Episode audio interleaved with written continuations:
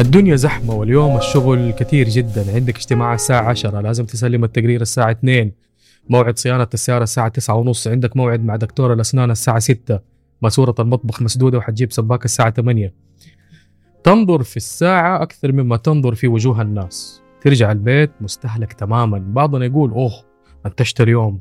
وبعضنا يقول لا حد يكلمني أنا أبغى أخذ نفس لحالي. قاعد مع أصحابك أو خرجت فاضي شوية تشرب قهوة في حتة بعيدة معك حبايبك فجأة تطالع في الساعة أوه ما حسيت بالوقت. إيوه طبعا لأنك كنت مبسوط. هل الوقت فعلا يقاس بالوحدات الزمنية؟ ساعة يوم دقيقة أسبوع؟ ولا هو بيتمدد وينكمش على حسب وعينا وإحساسنا؟ الوقت والزمان. كل ما تعمقنا في فهم الكون وكل ما البشرية قطعت أشواط في تجارب ميكانيكا الكم والنظرية النسبية ونظرية الأوتار بيقترب الإمكانية أن الزمان وهم وإنه ديناميكي. يعني ما هو بعد رابع زي ما بتقول نظريات أينشتاين. ماشي لقدام.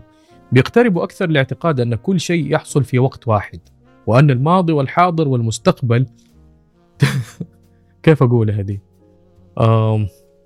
مجرد منظورات فكرية نسبية من شخص لشخص. كلام محير صح؟ لأنه الوقت حولنا حاسين به حقيقي. والساعة بتمشي لقدام بنشوف النهار بعده ليل كل سنة عمرنا بيزيد. هل ده فعلا حقيقي؟ معايير القياس الزمنية هذه حقيقية؟ لأنه هو اللي بيشعرنا بالوقت والحركة والتغيير.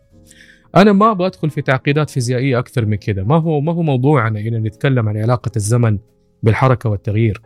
ولكن خلينا نتكلم عن زمن مختلف وخلينا نسميه اللحظة. انتشر دي الأيام مع هبة الوعي والطاقة والروحانيات الحديثة مصطلح العيش في اللحظة رغم إنه هو واحد من المبادئ القديمة التي وضعها الحكماء لفهم الحياة وأحد الأسس في التنور والوعي في المدارس الشرقية وعامل نجاح مهم في الفنون القتالية الآسيوية وتكلموا عنه كتاب كبار مثل إيكهارت تول في كتابه قوة الآن مايكل براون في كتابه عملية الحضور ولكن ما هي اللحظة؟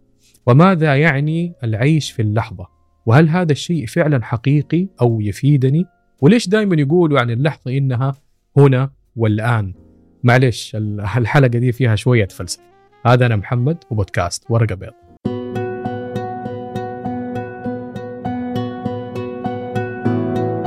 من وجهة نظري الشخصية أنا أميل لموضوع عدم وجود الوقت وأن الزمن موجود في هذه الحياة لكي يساعدنا في فهمه ولكن في أي حياة بعد كده ما هو موجود لأن الزمن يعني تقدم وتغير يعني شيء له بداية ونهاية ولكن الروح التي تنتمي لحياة الخلود واللي هي المنزل والوطن الأساسي لنا ليس لها نهاية.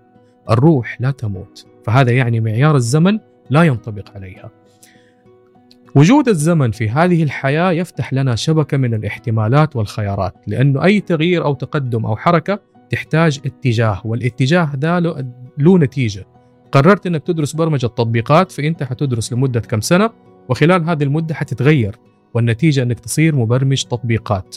وهذه واحدة من الاحتمالات بناء على الاختيار اللي اخترته أول. وجود الزمن يجعلنا نستوعب هذه الأمور بهذه الطريقة. لأن تجلي الأشياء في هذه الحياة يحتاج إلى سعي وحركة. والحركة مقترنة علميا ونظريا بالزمان بعكس عالم الخلود. تفكر في شيء فيتجلى في نفس اللحظة. اذا ما هي اللحظة؟ وما هو العيش في اللحظة؟ اللحظة هي كل ما يحصل هنا والآن وكأنها صورة أو سكرين كابتشر لكل شيء يحدث الآن. وجودك في مكان معين تفاصيل هذا المكان دقات قلبك تنفسك تفاصيل كثيرة لا يمكن استيعابها. اللحظة بكل تفاصيلها وكل مشاعرها الحالية وأفكارها الحالية. لكي نعيش في اللحظة نحتاج نكون في حالة حيادية إنك تكون مراقب بدون إسقاط حكم. أنا الآن في لحظتي في مكتبي قاعد براقب دخول وخروج الهواء أثناء التنفس. في حكة في يدي okay. في سيارة توها مرت في الشارع okay. في كاميرا قدامي okay. قاعد أفكر كيف أغلق تسجيل الحلقة وأعدل وأنشر. relax it's okay. حاسس إني مستمتع ممتاز بس برضو okay. عقلي بيفكر في شغل بكرة ما في مشكلة it's okay. راقب خليك حاضر في اللحظة محايد لأن العقل هنا يبغى يشتغل يبغى يفترض يبغى يحكم. يبغاك عالق في فخ الزمان وإنك تفكر في أمس أو بكرة أو تسأل ليش. عشان يمنعك من الحضور ومن تصفية العقل من التفكير الزايد. العقل لازم يفكر وما يحب يكون فاضي، هذه من أبسط الطرق لكي تعيش اللحظة وتكون حاضر. كلمة السر هنا الحضور. مدرك للداخل والخارج. في كل لحظاتنا في البيت في العمل برا نحتاج الحضور. إننا نتصرف قل لحظة. عندك تاسك لازم تغلقه في العمل تعطي العقل بريك إنه يفكر متى الدوام يغلق وكيف تسلم شغلك بدون ما مديرك يعلق تعليقات سخيفة زي وجهه الراتب متى ينزل ليش ال task هذا مقرف وممل. it's okay okay. مجرد أفكار تمنعك من العيش في اللحظة. it's okay just do it ركز فقط في لحظتك ومهمتك الأساسية في هذا اللحظة.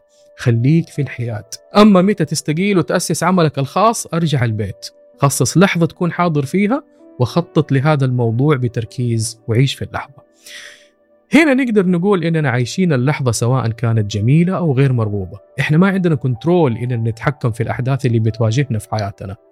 ولكن عندنا القدرة إننا نضيف لها معنى أجمل معنى فيه بهجة ومتعة. وهنا تكمن أهمية الحضور في اللحظة لأنها الباب للنعيم والبهجة لأنها الباب لاستخدام طاقاتك وقدراتك بشكل أفضل. لاحظ نفسك لما ما تحس بالوقت في شيء تحب تسويه أو في جلسة مع ناس تحبهم بتكون في أفضل حالاتك بتكون متألق.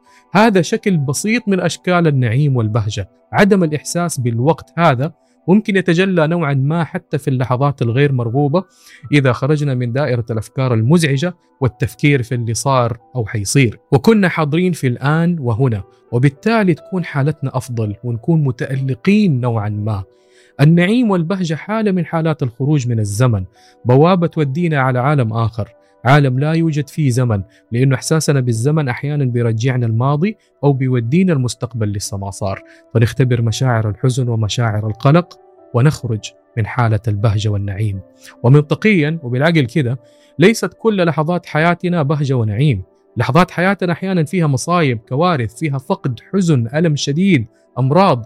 تجعلنا نرفض اللحظة الحالية. فنفكر في ماضي ونعيش مشاعر الندم والفقد أو نفكر في مستقبل ونعيش في مشاعر القلق والتوتر والغضب. وهذه هي الحكمة من الحياة. نختبر النعيم ونختبر الألم لأن لحظات حياتنا هي انعكاس للحياة الأخرى بفارق وجود الزمن. الحياة الأخرى فيها لحظتين ومكانين لحظة ومكان النعيم ولحظة ومكان الألم.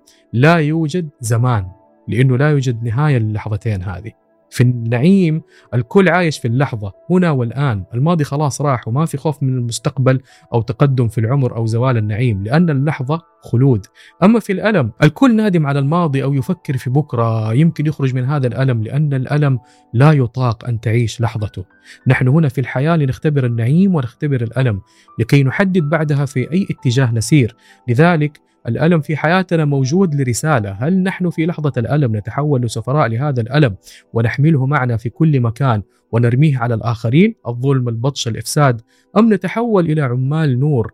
نتعلم رسالة الألم فنكون ممن يعمر هذه الأرض بالمحبة والرحمة. لحظات الألم تعلمنا أن جحيم الألم لا يطاق ويعلمنا أن إننا ما نسبب ألم لأحد لأن ما يؤلمك سيؤلم غيرك. بعضنا يخرج من التجربة المؤلمة أكثر غضب ويحاول أن يمارس هذا الألم على الآخرين. يصبح رسول ومندوب لهذا الألم لأنه لم يتشافى منه. ولا يزال موجود بداخله. ولو كتمه انفجر فيحاول يرميه كالنفايات على الآخرين ليرتاح قليلا. هذا هو الجحيم. إنك تحترق من الداخل وكل من يقترب منك يأخذ نصيبه من الاحتراق. الجنة والنار لحظة هنا والآن. ولك الخيار. نرجع شوية للعيش في اللحظة معلش شطحت فن الحضور والعيش في اللحظة مهارة وعضلة مثلها مثل أي شيء آخر. نحتاج إلى وقت عشان تصير نمط حياة وتحتاج إلى تفكير مختلف. لما تكون في معمعة ضغوطات الحياة وضغوطات الحياة هذه آه، مجرد أحداث وإحنا نضيف عليها معنى الضغط. لأنه في الداخل عندنا مشاعر رفض. لما تكون في وسط هذه الضغوطات حاول إنك تنفصل وتتنفس وتراقب تنفسك من غير أي فكرة. فقط راقب تنفسك الين ما تهدى ولو ما قدرت تهدى كرر المحاولة. أو عادي يمكن تجرب بعدين أو بكرة أو في موقف أبسط. it's okay okay. راقب تنفسك. راقب أفكارك. تقبلها كما هي. بدون إصدار أي أحكام. يعني كأنك بتراقب شخص آخر قاعد يتنفس ويفكر في الضغوطات والقرف اللي فيه. يعني مجرد أفكار لا أكثر ولا أقل. وحينما تصل للصفاء الذهني فكر في الشيء اللي أنت فيه إنه شيء حتسويه وخلاص بدون أي مشاعر إنك هنا والآن وستفعل ما عليك فعله بدون استمتاع أو بدون ضيق ورفض وإنك متصل بكل قدراتك وإمكانياتك لفعل ما عليك فعله. نعم عارف إنك بتقول مستحيل أو مرة كلام مثالي. لا معلش هذا واقعي ومجرب ما حيزبط معاك من أول مرة ولكن حيكون أفضل بعد كم مرة. مرحلة الصفاء الذهني هذا بتخليك مركز في لحظتك وهناك يكون حكمك على الأمور حكيم. لأنك في وقت لاحق سترى الحقيقة وما هو أهم وكيف ممكن تغير كل شيء. ربما تصل لتقبل ما يحصل لك بكل اقتناع. ربما تجد حل للخروج من المأزق. وربما تجد أن الأمر لا يستحق كل هذا الرفض. وربما وربما ليش؟ لأنك من خلال حضورك في اللحظة رأيت كل شيء كما هو وليس كما تراه حسب مشاعرك وأفكارك. وهنا بيتبدل المنظور عندك بالكامل. مرة بعد مرة تلاقي نفسك أكثر قدرة في التحكم بمشاعرك وأفكارك في أي لحظة تمر فيها. وهذا معناه إنك بتتخذ قرارات سليمة وبتنجز أشغالك بشكل أفضل وأسهل. بمعنى آخر شكل من أشكال البهجة والنعيم وهو التيسير والتوفيق والبركة. العيش في اللحظة يعمل كالسحر في حياتنا لأنه إدراك وفهم ولكن من منظور آخر.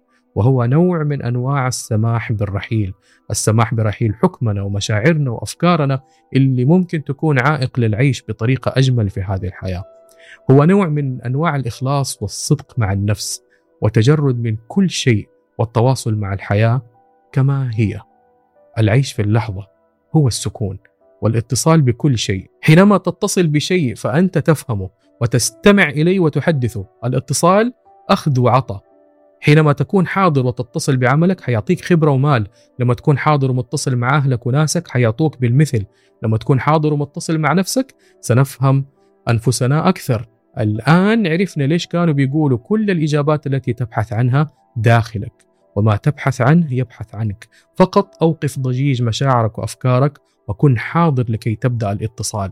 وإذا كنت حاضر ومتصل مع الكون والخالق فأعتقد إنك ما تحتاج تسمعني. ولا تحتاج أي شيء آخر. كان معكم محمد وبودكاست ورقة بيضاء شكرا.